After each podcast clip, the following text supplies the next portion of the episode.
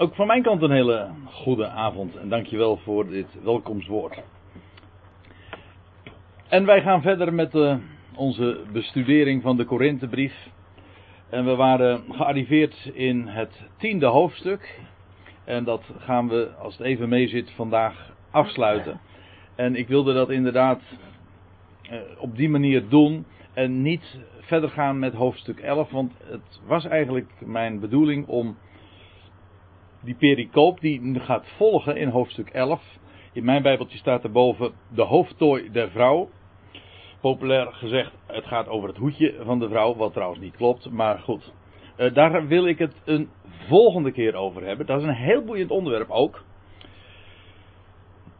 Maar het lijkt mij verstandig om dat in ene keer of eventueel in twee keer te behandelen, maar in ieder geval niet zomaar een stukje daaruit. Het is echt te veel één onderwerp om dat in, in stukjes te gaan hakken, vind ik. Dat betekent dat wij ons vanavond beperken tot het laatste gedeelte van hoofdstuk 11. En we waren gebleven in het 21ste vers. Dat wil zeggen, dat was het laatste wat uh, aan de orde is gekomen. En in mijn Bijbeltje staat boven die pericoop dan weer het avondmaal. Een uitdrukking die ook alweer zo bekend is maar gek genoeg niet in de Bijbel voorkomt. Althans niet in dit verband. Uh, ook in dit gedeelte wordt dat niet zo genoemd. En Paulus zou het nog veel later, niet veel later, in hoofdstuk 11, daar uh, veel uitgebreider op terugkomen. Op uh, de betekenis van brood en beker. En de, dat is allemaal naar aanleiding van de misstanden die daar ook waren in misstanden, maar ook vooral misverstanden in Korinthe. En eigenlijk ben ik achteraf uh, toch blij voor het feit dat dat zo in Korinthe is gegaan. En dat ze zoveel misverstanden hadden. Want dat betekent dat die Korinthebrief daardoor heel erg lang is geworden. En we krijgen daardoor zulke schitterende uiteenzettingen. Juist tegen die achtergrond. Van de onmondigheid van de Corinthiërs. En zoals gezegd, de misverstanden die er waren. Juist dat is het motief dat Paulus uh, zo breed uitpakt in, dit, uh, in deze brief. En, en schitterende uiteenzettingen geeft. Dat geldt ook voor zo'n uiteenzetting die we vanavond gaan behandelen. In mijn Bijbeltje staat er boven liefde jegens de zwakken. We zullen nog eventjes die laatste versen van dat voorgaande pericoopje meepakken. Maar dat is ook zo'n eh, heel illustratief voor de, de voorrechten die ons toekomen. Ik bedoel ook gewoon echt in de praktijk. Niet alleen maar dat wat wij zijn in Christus en dat wat we zullen gaan genieten in, in de toekomst, maar gewoon ook de vrijheid waarin wij geplaatst zijn. Met name uh, dat gedeelte wat we vanavond zullen behandelen, stelt dat schitterend in het licht. Laten we nog even die laatste versen van de, dat pericoopje over het avondmaal, wat er dan boven staat, uh, meepakken. En dan zijn wij dus in vers 21. Daar schrijft Paulus: Gij kunt niet de beker des Heren drinken. Even over dat gij kunt niet. Er staat dus niet: jullie mogen niet. Dat is net zoiets als wat je leest in de Evangelie. Dat de Heer zegt: van gij, uh, gij kunt niet God dienen en mammon. Er staat niet: je mag het niet, het kan niet. Het is namelijk: je dient of de een of de ander.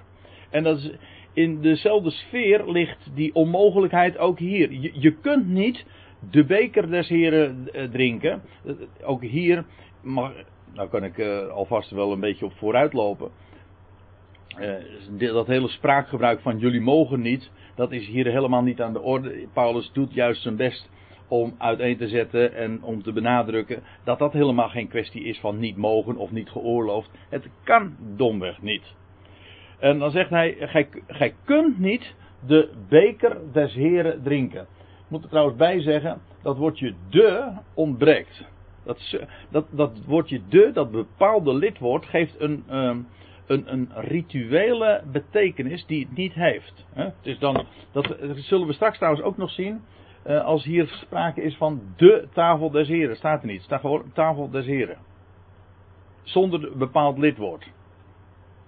Daar, moet je toch uh, op letten. In feite, in, in de praktijk is het meestal zo dat als het bepaalde lidwoord ontbreekt, dan moet je er in het Nederlands gewoon een onbepaald lidwoord voor zetten.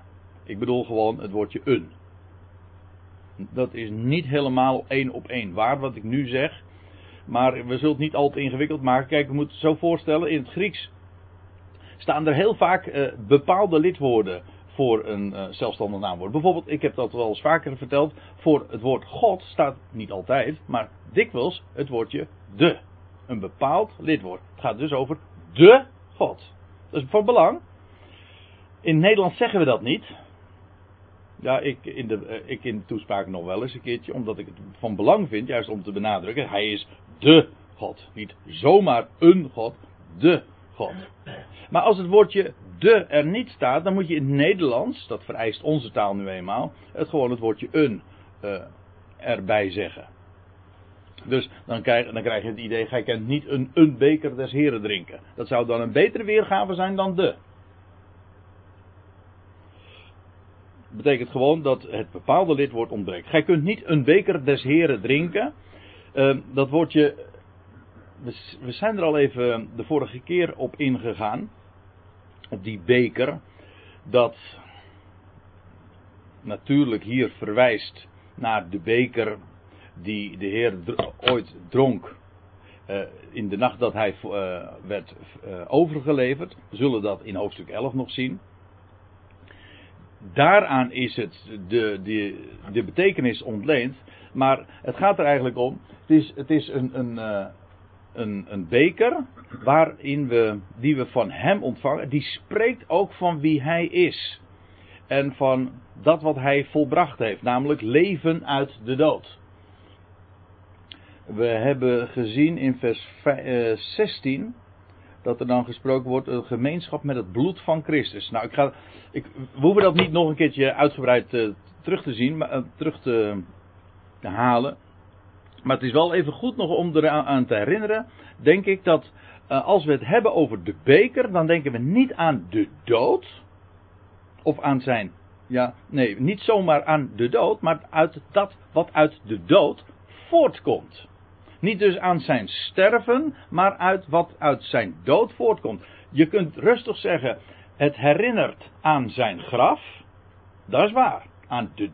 We gedenken, staat ook in 1 Corinthië 11, de dood des Heren. Maar wat is zo bijzonder aan zijn dood? Dat hij eruit opgestaan is. Dat hij dood geweest is. Dat is het bijzondere aan zijn dood. Dus als wij denken aan de dood des Heren, denken we niet aan het feit dat hij dood is, maar dan denken we juist aan het feit dat hij dood was en nu leeft. Dat is het bijzondere van zijn dood. Dus dat hele idee van een begraaf. Ik heb het vaak genoeg ook gehoord. Dat men zegt: het avondmaal is een begrafenismaaltijd. En dat vind ik een vreselijke. Even afgezien van de andere misverstanden over dat avondmaal. Maar even de betekenis van die men geeft aan brood en beker. Dat dat zou slaan op het feit dat hij dood is. Of dat we daaraan zouden denken, of men zegt het dan, het spreekt van zijn sterven. Nee, het spreekt over het feit dat hij de dood heeft overwonnen. En daarom ook die wijn die erin zit. Een, ook een embleem van vreugde. En daarom ook een beker. Het spreekt van de overwinning. Ik heb expres die dubbele zinnigheid er ook uh, erbij betrokken. In het plaatje. Dus overwinning, daar spreekt de beker van. Nou, jij zit een beetje uh, met grote ogen te kijken. Maar nou, nou uh, ik begrijp het denk ik ook wel, want jij was er de vorige keer niet bij. Toen hebben we het er vrij uitgebreid over deze dingen toch ook gehad.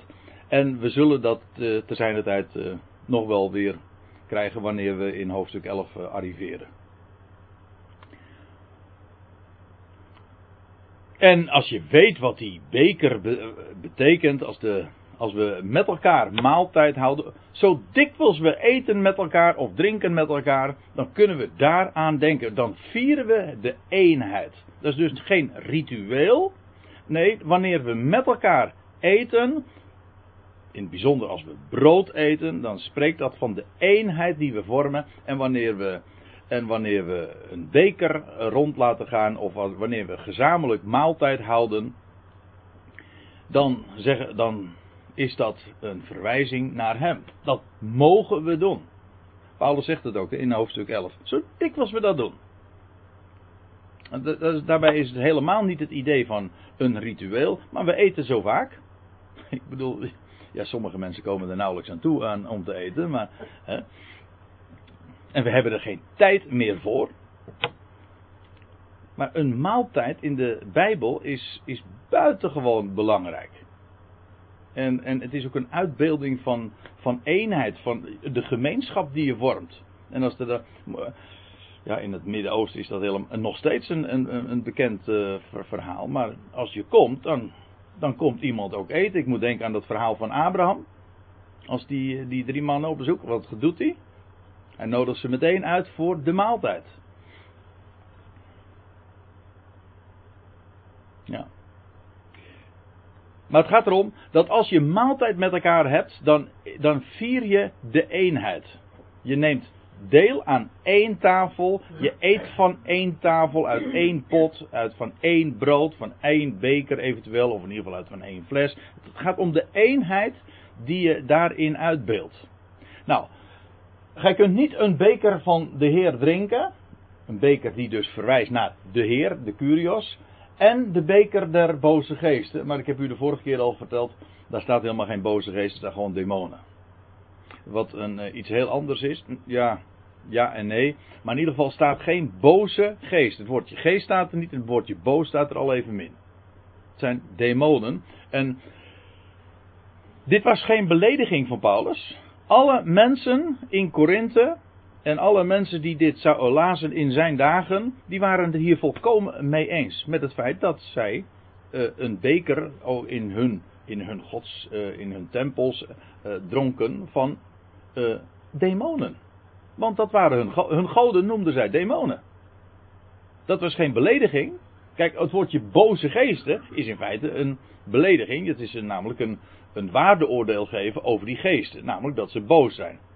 Dat kan wel, daar gaat het even niet om. Maar dat is niet de betekenis van het woordje demon, dat wil ik wel zeggen. Dus een, een, een, demon. Uh, en wat Paulus hier dus eigenlijk zegt in, de, uh, in dit vers: je kunt dat helemaal niet. Je kunt niet een, een beker drinken waarbij je het, de beker heft en, en de betekenis verstaat van dat wat, wat het uitbeeldt. En tegelijkertijd ook aanzitten in zo'n afgodstempel zoals ze dat in Korinthe hadden. Dat kan niet. Je kan niet het ene van harte en bewust doen en het andere ook. Dat gaat niet. Dus het gaat er niet eens om dat het niet mag. Het kan niet. Want of het een zie je en beleef je van harte, maar dan niet het andere, of omgekeerd. En gij kunt niet aan de tafel des heren deel hebben. Ook hier zeg ik weer, dat woordje de ontbreekt. Dus gewoon aan een tafel des heren de, ja, gij kunt niet aan een tafel des heren deel hebben en aan een tafel der demonen. Dus een dubbelop natuurlijk. Dat wat hij hier in dit eerste deel zegt, dat gaat, loopt parallel met het tweede deel. Die tafel des heren, je ziet dat in, uh, in Malachi 1, dat is een altaar dat zie je eh, met name dan in dat tweede deel, aan de tafel van demonen. Waar doelt hij dan op? Wel op een altaar. Maar een altaar is feitelijk een tafel. Misschien is dat wel wat vreemd in ons taalgebruik. Maar ik zal het in de eerste plaats even laten zien. Hier in Malachi 1, daar lees je in vers 7 dat, dat, eh, dan is dat een verwijt bij monden van Malachi van God aan Israël, gij brengt minderwaardige offerspijzen, letterlijk staat er trouwens brood. Gij brengt minderwaardig brood op mijn altaar. En dan zegt gij, waarom, waarmee hebben wij u minderwaardig behandeld? Doordat gij zegt, des heren tafel, zij is verachtelijk. Verachtelijk. Dus die, die, het altaar, dat is een tafel des heren. Het is niet zo moeilijk om dat te begrijpen, want zo'n altaar was ook een plaats waar de priesters van aten.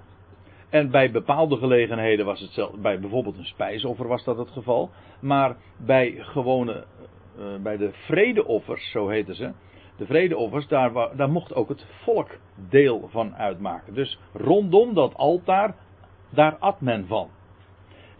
Men had daarin ook gemeenschap met de Heer. De eenheid beleefden ze. Je moet het zo voorstellen, dan werd er dus een vredeoffer gebracht. Een, een, een dier werd er geslacht. Eerst werd het geslacht, vervolgens kwam het op het altaar. Dat ging in eh, rook op, dat steeg op, goden tot een liefelijke reuk. De vorige keer heb ik al verteld, het ene, het eerste slaat op zijn sterven. Het dier wordt geslacht. Daarna komt het op het altaar. Dan is het een offer. Het offer is dus niet de slachting. De, de slachting heb je eerst. Daarna is het een offer. En stijgt het op en is het voor God tot een liefelijke reuk. Een uitbeelding van de opstanding en dat wat erop volgde. Toen hij verrees en opsteeg. Maar wat er dan gebeurde bij zo'n, bij zo'n altaar was dat uh, een deel, uh, het, het, belangrijkste deel, ging dan in rook op. En een ander deel werd door het volk, eventueel de priesters alleen, afhankelijk van wel, welk type offer het was, werd door uh, het volk gegeten. Dus dan had men deel aan, daarmee aan dat altaar. was een tafel, men at van dat altaar. En de Heer had daar ook zijn deel aan. De, de, de Heer nam daar ook van. Eh, namelijk doordat hij het aanstak. Dat was eigenlijk zijn vork en mes, zeg maar. Zo nam de Heer het tot zich. Zodat dat, uh, dat beeld van dat altaar als tafel is, helemaal, is, is een, een heel voor de hand liggende associatie. Het is een tafel. Dat is dus maar niet zomaar een, een hout ding. Nee, het gaat erom, het is een plaats waarom men heen eet, drinkt, gemeenschap heeft, eenheid beleeft. Of hoe je het maar zeggen wil. Met de Heer in dit geval. Maar dat is bij ons ook zo. Als wij, eh, als wij het gezamenlijk brood eten en we denken eraan dat we één lichaam vormen. En wanneer we de beker heffen en we, en we weten dat spreekt van het leven dat sterker is dan de dood. Wel, dan hebben we gemeenschap met Hem. Ik bedoel, het verwijst naar Hem, maar daarmee ook met elkaar.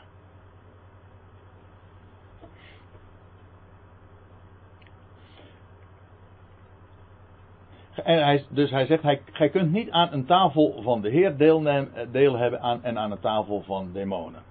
Nou, daar hebben we de vorige keer al wat uitgebreider bij stilgestaan. Dan zegt hij nog in vers 22, of willen wij de Heer tot naijver wekken, tot jaloezie? Zijn wij soms sterker dan Hij? Twee retorische vragen. Het antwoord is, op beide is natuurlijk nee, uiteraard niet. Maar, ik moet er trouwens nog bij zeggen, uh, wat Paulus hier doet, deze vragen die hij stelt, verwijst, daarin verwijst hij naar Deuteronomium. Ik zal het u laten zien. In Deuteronomium 22, uh, 32, sorry, daar staat in vers 16, Leuke parallellen vind je daar. Die zeer verhelderend zijn. Want daar staat er. Zij, gaat het over de Israëlieten. Zij verwekte hem tot naijver. Hoe dan? Wel, door vreemde goden. Met gruwelen krenkte zij hem. Wat is een gruwel? Dat is gewoon een afgod. Een, ehm, dat wordt uh, heel dikwijls uh, zo ook ge, genoemd in, in het Oude Testament. Dan lees je dat er een gruwel wordt, opgericht. Denk ook trouwens aan, aan dat wat er staat in verband met die laatste jaarweek. Dan wordt er een, in de helft van de week wordt er een gruwel der verwoesting op het tempelplein geplaatst. Dat is gewoon een afgodsbeeld. Een afgod dus. Dat, en dat zie je hier dus, een vreemde god, een gruwel. En dat, is, uh, dat wekt hem tot naijver, wat ook niet zo gek is, want u, het idee daarbij is dat de, de Heer was zijn volk getrouwd. Ze behoorden hem toe. Hij was hun man. En dat betekent dus dat als zij andere goden dienden en offerden, dan liepen zij andere mannen achterna, zodat afgoderij synoniem is met hoererij, geestelijke hoererij. En eh, nou ja, daar zijn eh, heel wat voorbeelden van te geven hoe, je hoe dat in de, bij de profeten ook uitgewerkt wordt. Die twee zijn gewoon uh, identiek. Omdat de Heer was getrouwd met zijn volk. Maar nou komt het. Uh, er staat dus, zij verwekt hen tot naijver, door vreemde goden met gruwelijk krenkte zij hem. Zij offerde aan demonen. Dat is namelijk het woord wat hier in de Septuagint wordt gebezigd. Zij offerde aan demonen die geen goden zijn, goden die zij niet hebben gekend. Ook hier zie je trouwens weer dat dus het Oude Testament ook wel degelijk zo het fenomeen demonen kent. Demonen zijn gewoon andere goden. Dat is het. Een afvod. En dat, daarmee verwekken ze hem tot naijver. En als Paulus dus hier zegt, of willen wij de Heer tot naijver wekken, in verband met die demonen, dan zinspeelt hij op die woorden die we in Deuteronomium 32 aantreffen. En zijn wij soms sterker dan hij? Ook dit zijn weer van die vragen die meteen in de richting wijzen. Retorische vragen. Het antwoord uh, ligt op voorhand al vast. Nou, en dan komen we inderdaad in die laatste pericoop. In mijn Bijbeltje begint hier een nieuw gedeelte. Dat klopt, want nu gaat Paulus nog wat andere dingen naar voren brengen. En dan krijg je weer die woorden die we al uh, meerdere keren zijn tegengekomen in Korinthe. Alles is geoorloofd. We zagen dat al eerder in 1 Korinthe 6. Maar ook hier dus weer al, en hier wordt het trouwens ook weer herhaald. Dus in totaal vind je het vier keer in de Korinthebrief. Dat het gezegd wordt. Alles is geoorloofd. En dat is illustratief voor de vrijheid waarin we geplaatst zijn. En betekent ook dat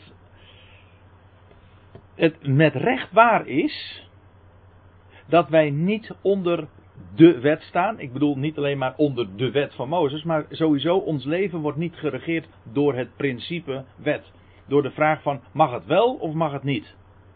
Het is trouwens opvallend dat, nou, ik weet niet in hoeverre u of jij uh, bezig houdt met, uh, met wat er allemaal zo in de christelijke pers verschijnt.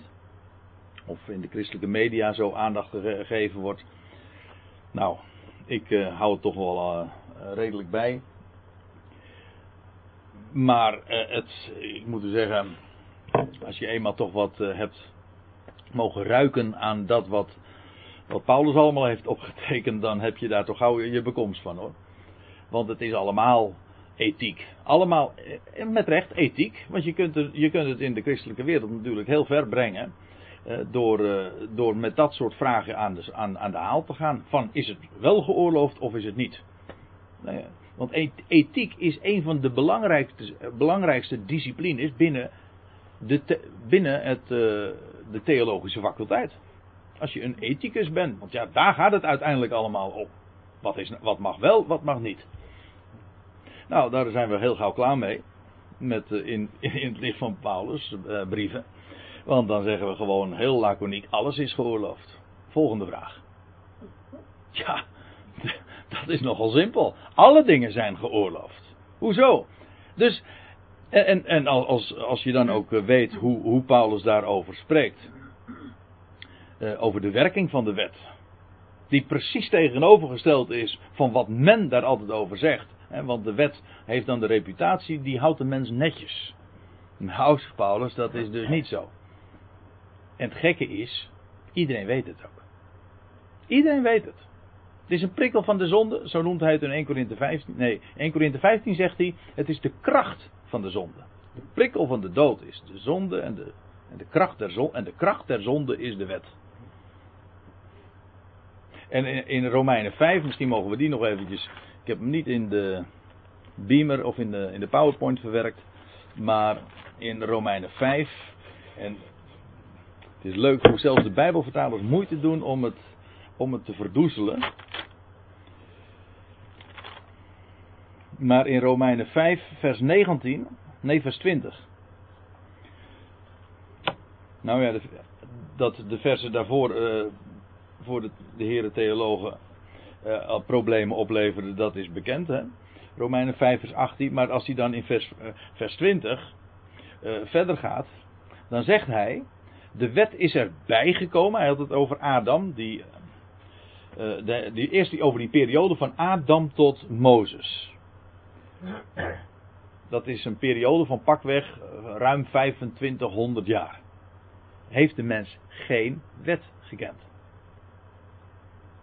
Want wij denken altijd met het Oude Testament, dat is, uh, ja, dat is wet. Ja, maar het Oude Testament, daarmee doelen we op het Oude Verbond. Maar dat Oude Verbond, dat begon pas in de dagen van Mozes. Maar dat, daar, het, laat ik het anders zeggen. De periode van, die het Oude Testament beslaat, hè, vanaf Adam, laten we het eventjes tot de menselijke historie beperken, vanaf Adam tot, laten we zeggen tot Christus, dat is 4000 jaar, slechts 1600 jaar, of 1500 jaar zo u wilt, heeft de mens, nee, zeg ik nog een verkeerd, niet de mens, maar Israël, één volkje uit alle volkeren is geplaatst onder de wet. Dus het is niet zo van dat de wet. Laatst hoorde ik dat iemand nog in een discussie zeggen. En ik heb het zo vaak gehoord van ja, dat, de wet dat is Gods instructieboekje voor de mensheid. Dat is gewoon niet waar. Het is aantoonbaar niet waar. Als het Gods instructieboekje voor de mensheid was geweest, had hij het aan Adam meegegeven. En dan, was het voor alle mensen, alsjeblieft, dit is het. Maar dat is helemaal niet zo. Hij gaf het duizenden jaren later. Dat betekent dus dat mannen als Noach en Abraham, nou noem ze allemaal maar op. Zij die voor Adam, voor no Mozes leefden, helemaal het dus onder de wet hebben moeten doen. En Abraham was een gelovige.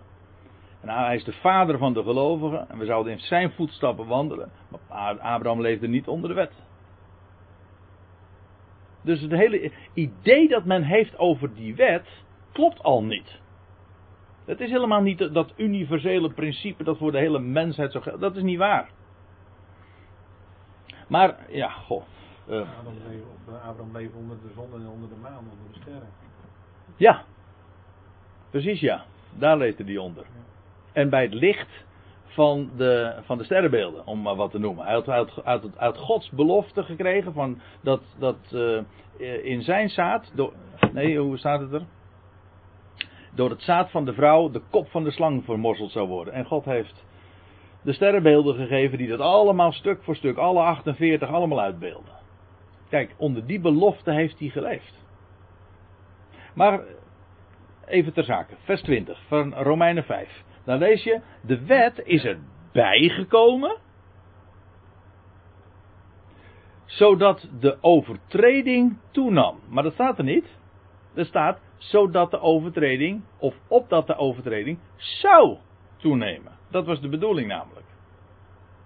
Dus het is maar niet zo van een, een, een naargeestig bijeffect, zo van helaas was dat het gevolg. Nee, het was er, de wet is er bijgekomen, opdat de zonde, nee, opdat de overtreding zou toenemen. Waar evenwel de zonde toenam, daar is de genade meer dan overvloedig geworden. Dan weet je meteen waarom hij die wet gaf. Namelijk om de overvloed van de genade te demonstreren. Eerst moest daar meer overtreding zijn. De zonde zou geprikkeld worden en toenemen. En in, tegen, en in die context en tegen die achtergrond kon de genade aan het licht treden. En des te helderder stralen en schijnen. Nou, dit is zo'n zo, voorbeeld over uh, altijd wat men zegt van ja, de wet die zorgt ervoor dat de mens netter wordt. Nou ja, je kan ook nog even doorbladeren hoor in Romeinen 7. Dan zegt hij in vers 4. Zeg ik het? Nee, vers 5. Dan zegt hij, want toen wij in het vlees waren, wekte, werkte de zondige hartstochten die door de wet geprikkeld worden in onze leden. En dan zegt Paulus vervolgens, ja dat wil niet zeggen dat die wet dus fout is, daar gaat het niet om, maar de werking ervan prikkelt slechts de zonde.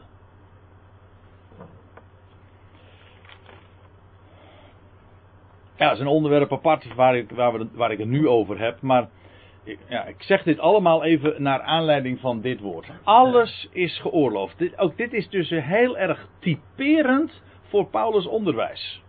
De vrijheid waarin wij plaats, uh, geplaatst zijn. En dat betekent dus dat als je in een discussie belandt waarin het gaat om de vraag: mag het wel, mag het niet, is het geoorloofd of is het niet geoorloofd, dan zit je op voorhand of fout.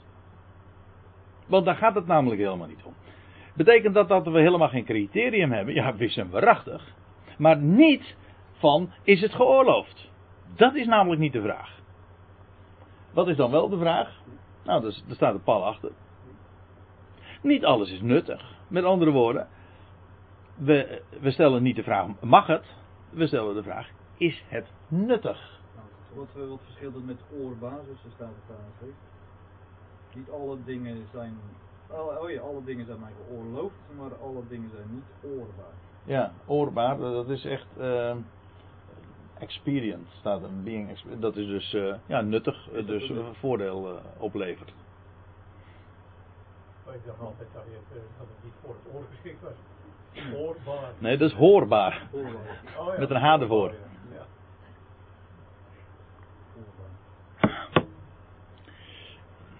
Ja. Beetje oud-Holland of zo misschien. oor, ja het is eh, zeker oud-Nederlands. Het is vandaar ook dat het in de MBG niet... eh, nee.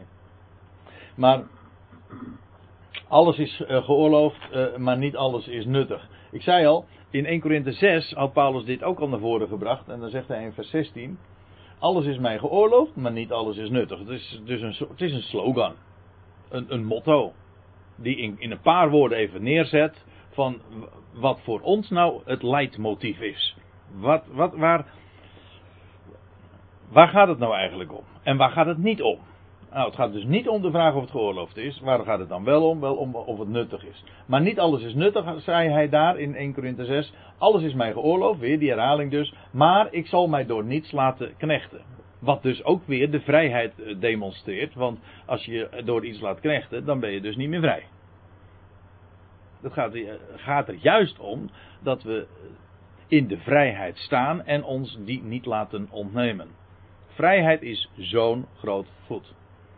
Gij zijt gekocht en betaald. Zijt vrijgekocht, bedoelt eh, Paul, eh, betekent dat. Gij zijt vrijgekocht, betaald. Wordt geen slaven van mensen. Nou, blader maar eens door de brief hoor. Dat is eigenlijk ook altijd Paulus, eh, voor een groot gedeelte Paulus' strijd geweest. Die vrijheid. Neem de gelaten brief. Gaat daar feitelijk over. Maar wat dacht je van de Colossense brief?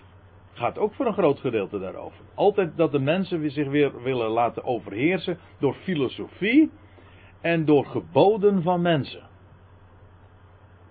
Door het principe wet. En wat betekent dat dan? Dat je je laat leiden door de vraag: wat is nuttig? Nou, we zagen in hoofdstuk 10, een paar versen hiervoor dus, dat Paulus zegt: Ik spreek immers tot verstandige mensen. Beoordeel zelf wat ik zeg. Dat is nou typisch een, eh, een voorbeeld van waar we het over hebben nu in, eh, in eh, vers 3, wat er staat er in vers 23. Alles is geoorloofd, maar niet alles is nuttig. Dat betekent dus dat er niet een wet opgelegd wordt, maar dat Paulus zegt: Ik houd je iets voor. Ik spreek als tot verstandige mensen. Beoordeel nou zelf wat ik zeg. Als iets. Kijk, zou het gaan om de, de vraag: is het geoorloofd? Dan moet je gewoon, eigenlijk gewoon in, de, in het wetboek gaan kijken, ongeacht welk wetboek. Dan zeg je van nou, dan zullen we kijken op bladzijde zoveel. Daar staat, daar staat deze bepaling. That's it. Dat is zoals wet werkt. Als het gaat om de vraag: is het nuttig? Dan moet je een heel andere vraag stellen.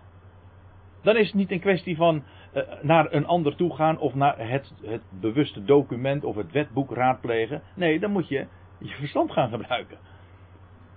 Ik spreek als tot verstandige mensen. En dan ga je dus vragen stellen van wat is het eigenlijk? Waar hebben we het over? Wat is de waarheid? En dan ga je kritisch denken. Dat is trouwens ook echt geestelijk. Geestelijk wil ze. De geestelijke mens, zegt Paulus, had hij in 1 Korinthe 2. De geestelijke mens, die staat niet. eh, dat is niet iemand die door emotie geleid wordt. Dat is psychisch, dat is ziels. De geestelijke mens staat in vers, hoofdstuk 2, vers 14, als ik me niet vergis. Even spieken. Nee, vers 15. De geestelijke mens staat er, beoordeelt alle dingen. Er staat letterlijk het woordje onderzoekt alle dingen. Dat is geestelijk. Die gebruikt zijn ver- verstand wat hij van- God heeft gekregen. Er staat hetzelfde woord trouwens als wat, eh, wat je leest van de, van de Bereërs. Ze onderzochten de schriften of deze dingen al zo waren. Dat is, wat, dat is geestelijk. Je beoordeelt de dingen. Is de waarheid. Paulus zegt in 1 11 vers 14, daar komen we eh, bij een, de volgende gelegenheid op. Leert de natuur zelf u niet? Of, nou, u ziet het, hoe vaak hij in deze brief niet de vraag stelt, weten jullie niet? Dus allemaal een beroep doen op dat wat ze weten, of in elk geval geacht worden te weten. Nou, ik, ik zie hier bijvoorbeeld een verwijzing staan in hoofdstuk 6, vers 2. Om even een praktisch voorbeeld te geven. Daar gaat het over de, eh, over de kwestie dat daar in Korinthe onderlinge rechtszaken waren. De een had een rechtszaak tegen de ander. Nou, dan zegt Paulus niet van dat mag niet. Dat is helemaal niet aan de orde. Maar dan zegt hij: Weten jullie niet dat, dat jullie de wereld zullen oordelen? Ja, dat jullie de engelen zullen oordelen? Dus dan ga je naar de rechter toe. Terwijl je straks.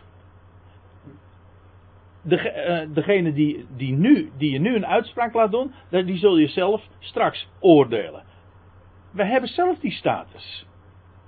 Dit is toch eigenlijk zot om dan je recht te gaan halen, afgezien van het feit dat je daarmee ook de, de, de, de verdeeldheid slechts demonstreert. Het bouwt niet op. Het bouwt bouwt elkaar niet op en dan zegt Paulus, leid dan liever onrecht. Gewoon. Oké, je wordt in je ongelijk, eh, eh, in, in het ongelijk gesteld. Of je heeft nadeel. Nou en, so what? Hij zorgt wel voor je. Kijk, dat is, dat is de logica van geloof. Dat heeft niks te maken met wet of het mag. Ge- gebruik je verstand. En, en spreek de reserves zeg maar aan die je van hem hebt. Het is een reservoir van allemaal van voorrechten en rijkdommen. Ik bedoel, we hebben zoveel. Waar- waarom doe je zo moeilijk? Weet, weten jullie niet? Iedere keer stelt hij die vraag.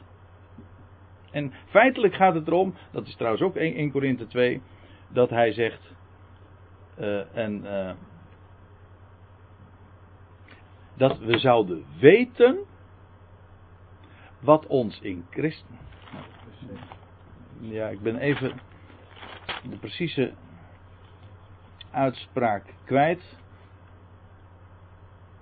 Ja, in vers 12 van 1 Korinthe 2. Daar staat, eh, wij nu hebben ontvangen de geest uit God, opdat wij zouden weten wat ons door God in genade geschonken is. Dat is het allemaal. Daarom, daar is, daar is ook al het onderwijs in de Ecclesia op, eh, op gericht en, en op gebaseerd. Niet opdat de, mensen keurig zouden leven of volgens, volgens de nette principes of zoals het moet of zoals het geoorloofd is. Nee, opdat mensen zouden weten. Weet hoe rijk je bent in hem. En dan hebben we het totaal niet meer over de vraag of iets mag, maar dan hebben we het over heel andere vragen die er wel toe doen. Wat opbouwt. Nou ja, als ik dat zeg, dan eh, kom ik meteen op het tweede deel van vers 23. Want dan zegt hij weer, alles is geoorloofd, alsjeblieft. Ik, ja, ik geef toe, ik word een beetje eentonig, maar goed. Ik heb een goed excuus, dat wordt Paulus ook. Hm? Hij zegt het nou, eh, dit is de vierde keer dat hij dit nu zegt. Alles is geoorloofd, laat dat duidelijk zijn. Maar niet alles bouwt op. Waarmee we tevens een mooie definitie hebben van wat nuttig is, namelijk nuttig is alles wat opbouwt. Oiko de dome staat er. En dat oiko dat betekent eigenlijk een, een, een huis. Het heeft te maken met een huis bouwen. En dat is eigenlijk ook wat de Ecclesia is. Dat, was, dat is trouwens 1 Korinthe 3 weer. Hè, waarin, waarin Paulus uiteenzet dat het, hij het fundament heeft gelegd. En dan zegt hij, maar een ieder ziet toe hoe hij daarop bouwt. En dat je met edel materiaal, met goud, zilver en edelgesteente bouwt. Alles, God is vandaag niet bezig deze wereld te verbeteren of zijn koninkrijk te vestigen, te openbaren. Nee, hij is bezig een tempel, een geestelijke tempel te bouwen. En al, het andere is, doet niet ter zake. Dus als jij nou de vraag stelt, ja wat is nou nuttig? Dan kun je zeggen van ja, nou ja, dan, dan kun je over het werk beginnen of over, eh, over je liefhebberijen. Nee, dat is, ik bedoel daar helemaal niks negatiefs over te zeggen. Al helemaal niet dat die, zulke dingen ongeoorloofd zouden zijn. Maar het gaat even om de vraag: waartoe dient alles? Al het andere staat in ons leven. Zo, zo eh, was ook de gedachtegang van de apostel Paulus. Alles was slechts op één ding gericht en dat is om Hem te kennen. En al het andere was, stond slechts ten dienste daarvan. God bouwt vandaag een tempel, een, eh, niet van bakstenen, maar van levende stenen, mensen, en hij bouwt hen op. En hij woont daarin. En alles is daarop gericht. En dat we met goud, zilver en edelgesteente eh, zouden bouwen.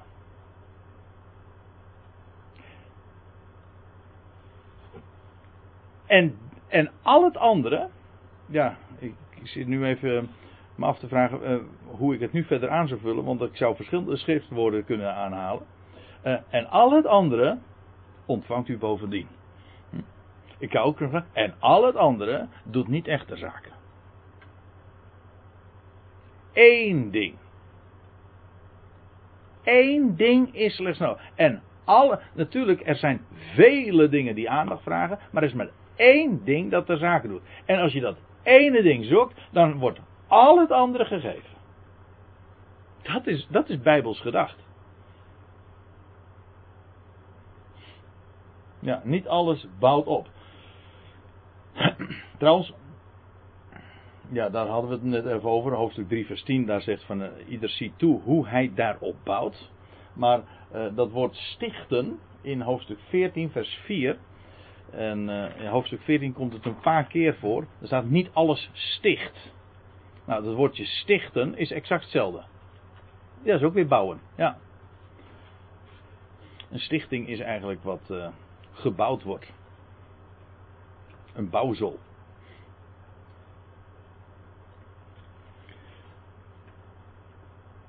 Alles is geoorloofd, maar niet alles bouwt op. Uh, niemand zoeken het zijne, maar wat des anderen is. Later in uh, hoofdstuk 13 zegt hij, zij, er, wordt, er wordt gezegd van de liefde, zij zoekt zichzelf niet. Viermaal ZN. Ja. Dat is makkelijk te onthouden in het Nederlands. Zij zoekt zichzelf niet. Nee, nou daar hebben we het eigenlijk nu ook over. Het gaat dus helemaal niet om onszelf. Ik zat juist uh, vandaag nog even een artikeltje te lezen. Het was een echt een goed artikel. werd iemand, uh, uh, door iemand op gewezen op het internet. Dat ging over het huwelijk. Je trouwt niet voor jezelf. Dat was, geloof ik, ook de titel van de, over het artikel. En dat was heel zinnig wat daarover ge, naar voren gebracht werd. Het gaat niet om jezelf. Dat wordt natuurlijk ook altijd vandaag verteld. Van ja, je moet aan jezelf denken en jezelf. Uh, Hè? Zelf, ja, ik zat het woord te zoeken, ja. Dat was het. Zelfontplooiing. Ja. En uh, dat geldt ook in het huwelijk, want als jij nou niet meer tot, uh, aan je trekken komt, of als jij, als jij niks meer voelt, nou dan moet je er maar een eind aan dat huwelijk maken. Want ja, je moet toch ook aan jezelf denken. Dat idee, dat is, kijk, dat is, feitelijk gif, hè? Want zulke, als je zulke slogans en als zulke gedachten maar vaak genoeg hoort, dan, ga je nog denken dat het waar is ook. Ja, al, van, ja, het gaat, het, denk vooral ook aan jezelf hoor. nou, uh, Paulus zegt, niemand, zoeken, uh, niemand uh, zoekt het zijne. Maar wat van de ander is. De grap is trouwens, dat als je het doet, dan word je gelukkig van. Zo zijn we namelijk gebouwd, gemaakt. Dat, dat, verzin ik trouwens niet. Dat zegt Paulus ook al. Als hij de woorden van de Heer Jezus citeert in Handelingen 20. Het is gelukkiger te geven dan te ontvangen. Dus echt gelukkiger. Daar staat echt, ja in de Statenvertaling staat dan zaliger. Maar het betekent gewoon gelukkiger.